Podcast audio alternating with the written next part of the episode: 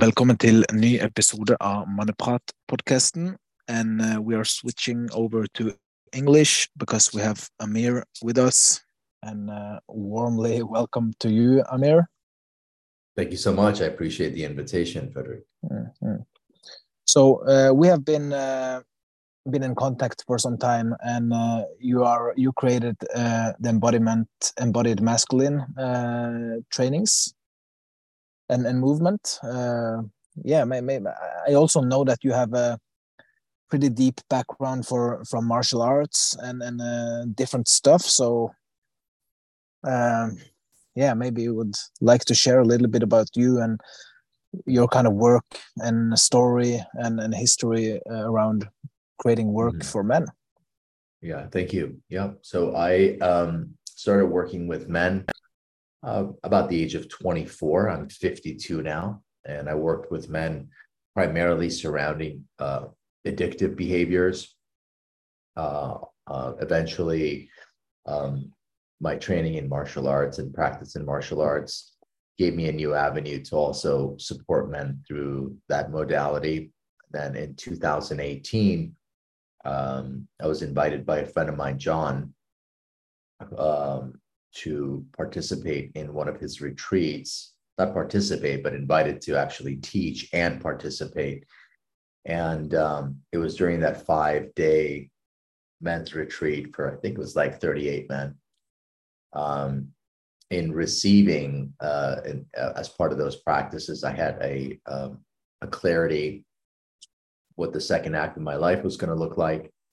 And um, I'm a firm believer that once you move certain blocks out of the way, uh, naturally the vision of, um, you know, what you're here to do becomes clear. And that happened for me very clearly.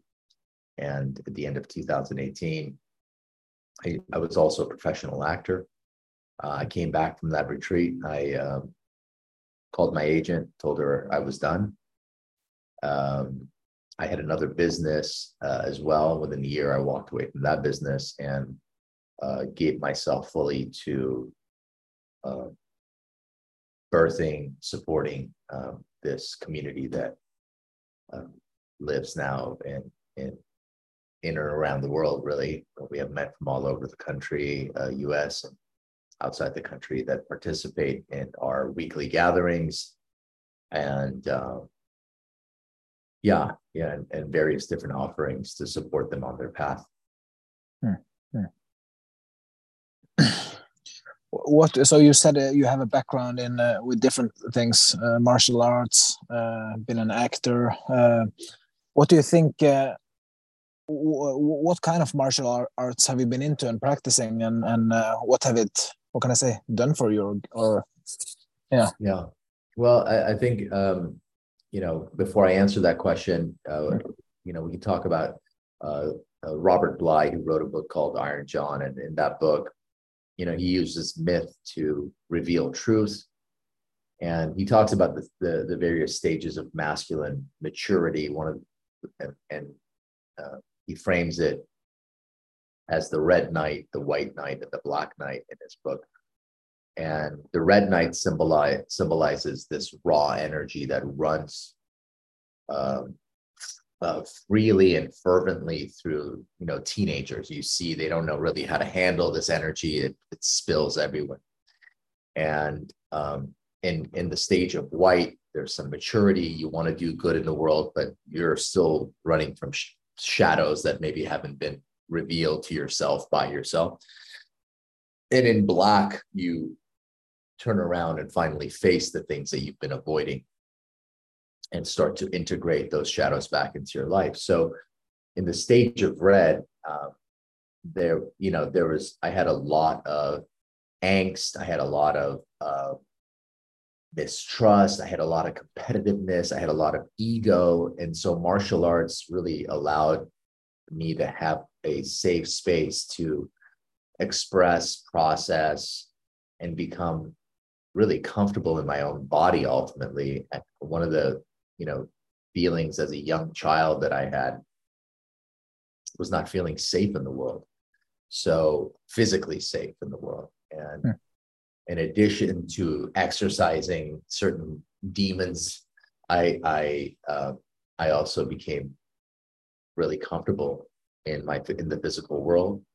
Uh, my martial arts journey was about 25 years long uh, before I uh, transitioned out of that. And along that uh, path, I studied uh, Hapkido. I have uh, three black belts in Hapkido and uh, had an opportunity to uh, train with some of the best martial artists um, in the world, from Benny hmm. To Jean Jacques Machado to um, uh, uh, Sensei Azaf. And um, so it really served me. I really believe it's a, it's a component also in the book King Warrior Magician Lover. You know, there's the warrior. You hmm. know that warrior energy um, is innately in us. It is not something we can wish away. And um, when it's not expressed, you know, the book goes into it. You know, and we can talk about the book if you want, but hmm. really, there's two components into archetypal energies not um, falling into shadow states. One is their full expression. So if you hmm. suppress an energy, it will move into shadow. And if that energy is not in alignment with your path or something greater, there's uh, prospects of it falling into shadow as well. Is that uh, you? You just talked about the warrior uh, archetype. Um, could you uh, share a little bit more around that, just so people who are listening understand a little bit about the different poles or the different sides?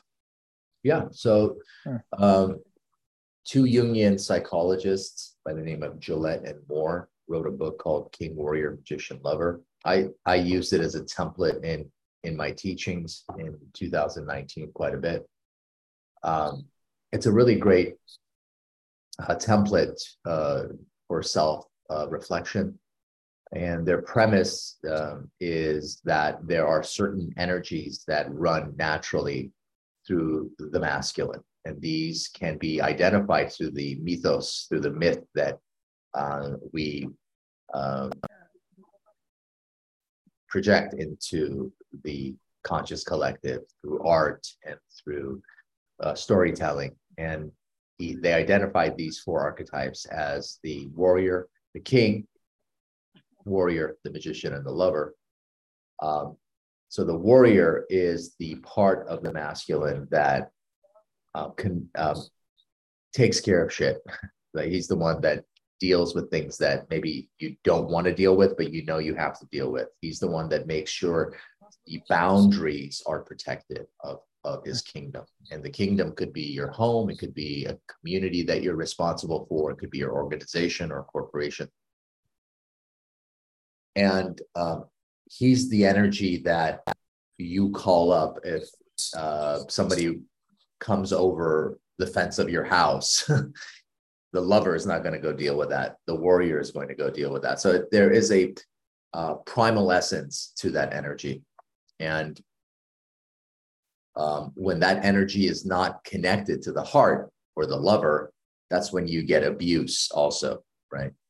Uh, so when energy is not expressed fully, or if it's in if it's self-serving, then it has the potential to go into its shadows. So these archetypal energies also have shadows. The shadow of the the warrior is either the sadist or the masochist. So he'll either hurt himself or hurt others, and it's mm. in hmm. in relieving the pressure of letting that energy out. Um, so the, the deal is to create environments where that expression can fully be can be expressed, like men's groups, right? Mm. Um, and uh, also to uh, to have that energy be in, in service to something greater than one's selfish needs. Mm. So that's the purpose warrior. and a mission, and yeah. Yes, your purpose, your your you know the the Tao, the way, whatever uh, that you know the inner barometer that guides you right? Mm. that's, do, do that's, you do you yeah thank you yeah. Uh, do you have any uh, take on where the nice guy or uh, patterns of people pleasing come into come into this kind of uh, yeah. four quadrants? So yeah so like um so there's there's these three archetypes that when so there's the warrior the magician and the lover when these when these are in alignment to something greater and are being fully expressed they naturally give rise to this king archetype energy. And this king archetype energy um, in its wholeness has one foot uh, on earth and another foot in the heavens. So like in like there's a part of him that's connected to um, the spiritual aspect of himself right? Um, uh, not only the physical aspect of, of life. And we, and before I talk about the nice guy, you know, you can you can see uh, a king in his fullness by by whether he whether his kingdom is flourishing, whether life is growing within his kingdom. And again, the kingdom could be your home, it could be your men's group or the organization that you run. Is it flourishing? Is life force running through it? And two, uh, is there order uh, that is there order out of chaos within his community? Is there order? Um, the the shadow poles of the king are the tyrant, right? So the tyrant is you do it my way, or else, and the other pole is the man who's lost his voice within a relationship. So almost the nice guy. He'll say anything to to so there's a bit of that in there, and also uh, the magician archetype shadows are the manipulator and the innocent one. There's strands of that also uh, present in that nice guy uh, uh, archetype, I guess. Yeah. Have you talked to Robert Glover? He's uh, an expert on nice guy. Yeah, I actually had a conversation uh, with him. Uh, he shared about different things, uh, so it was an interesting. Uh, but it's, I mean, it's he shared some stuff and other people have shared different stuff so it's but i, I feel it's it's uh, maybe a little also a bit uh, related to the warrior in some ways i don't know a lot about the different archetypes that you talk about but regards to to uh, i mean yes. taking action having full, the full expression of uh, mm-hmm. what you want to do where you want to go mm-hmm. self leadership stuff mm-hmm. yeah i can see that yeah i can mm. see not wanting to confront a situation, so I'll just be the nice guy. Yeah. Yeah, yeah, things like that. Yeah. Hmm. yeah. What is? I mean, what, what if I if I'm allowed to ask, uh, what has been your journey into this? How did you, what can I say, come over men's work and and yeah, your own journey into this? Yeah, good question.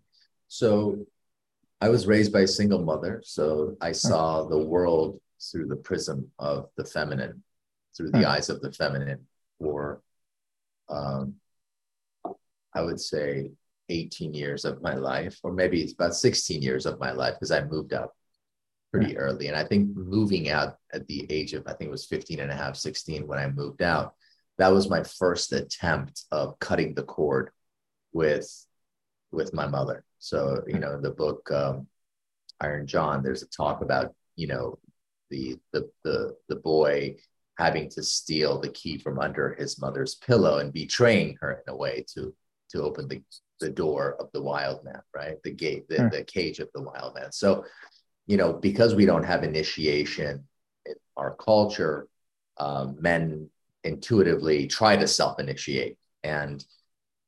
Do it horribly and usually in a painful way, self-inflicted pain or pain on others, and I was no exception. So by the time I was 22, I had really uh, I, I'd become very destructive in my behavior, very self-serving in my behavior, and um, really, you know, turned to drugs, hardcore drugs and alcohol, and um, that was my attempt of cutting that cord really and, hmm. and and and entering my hero's journey of you know of what it means to be a man in the world mm. um, and luckily by 23 i was i was done with that so i i fell into um, the aa program and i was in that program for 24 years mm.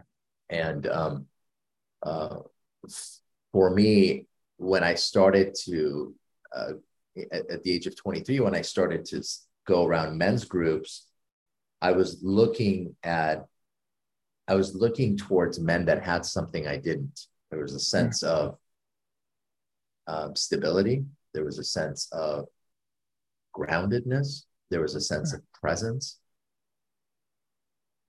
Um, if, they didn't know something, they would say, I don't know. They didn't have to make something up. Um, the way they related to other people was something I didn't have in my life. It was it was meaningful. It was deep, and I wanted what they had. I didn't know how to get there. So I just hung out with men that uh, had what I wanted, and I began to, you know, emulate in a way uh, their path, and thus began my own spiritual journey on on uh, shepherding myself in healing and uh, ultimately um, empowering and, and, uh, and dealing myself into a community of other men for support instead of you know the feminine mm-hmm. and thus changed my relationship to the feminine because you know i went from someone who was dependent and kind of looked for my sense of well-being as long as mm-hmm. the relationship was okay or you know if her t- if she got upset i would feel like threatened you know because yeah. that that cord energetically was still there even though i cut the cord with with my mother and energetically yeah. to become autonomous as a man i don't you know i don't i don't believe any woman wants their man to make the woman their god or their everything yeah. right and you know, uh, for me, you know, it, it, took what it took, and ultimately, coming through that, be you know, the clarity of that journey became the medicine that I offered to the world, and as a result, I would say, you know, uh, you know, we we have a large community, uh, thriving large community, and I would say within that community.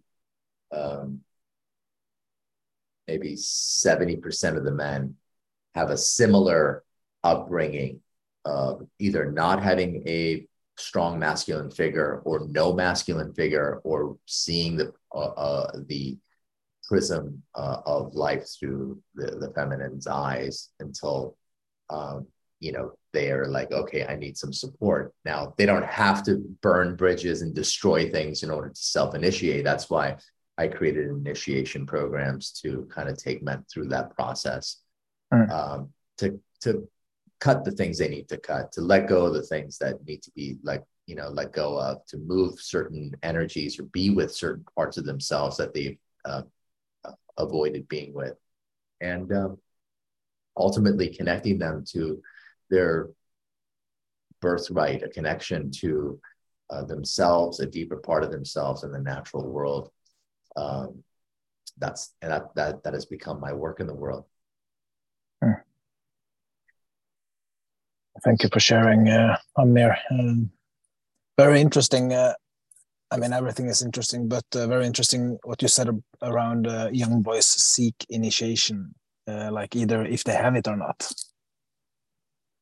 Yeah, yeah. I think you know, and society doesn't really support it. And our society doesn't support it. So you know, the only closest things we have is the army, which is not necessarily serving the the, the, the boy here or gangs um, but more and more um, communities are springing up uh, in bringing back this indigenous wisdom really that that we intuitively as humans have known throughout uh, centuries and I. I i sense it uh, i sense it coming back. I see where we're uh, coming to an end here, and and uh, I just want to say uh, it was really great to have you on, and and uh, I hope uh, to I hope you can come uh, come back another time, and we can dive deeper into different things. And we have also I remember we talked about you coming to Norway at some point. Uh, so I just wanted to mention this, and uh, maybe we can continue that conversation another time. Yeah, yeah. And for those that are interested in, you know, in in the type of men's work that I offer is not everybody's yeah. flavor, um, but um, it is somatic, it is shamanic, and I invite anybody that's curious about men's work to come check us out at embodiedmasculine.com. Mm. And that would be a good starting point. I would love to bring a retreat to to Norway um, at some point. That would be lovely. I, will put the links to your website in uh, the podcast section so everybody can find your website and information and link to your social media accounts. That sounds great, Frederick. It was it was a nice uh, nice conversation to be had. Thank you. Bye. Bye bye.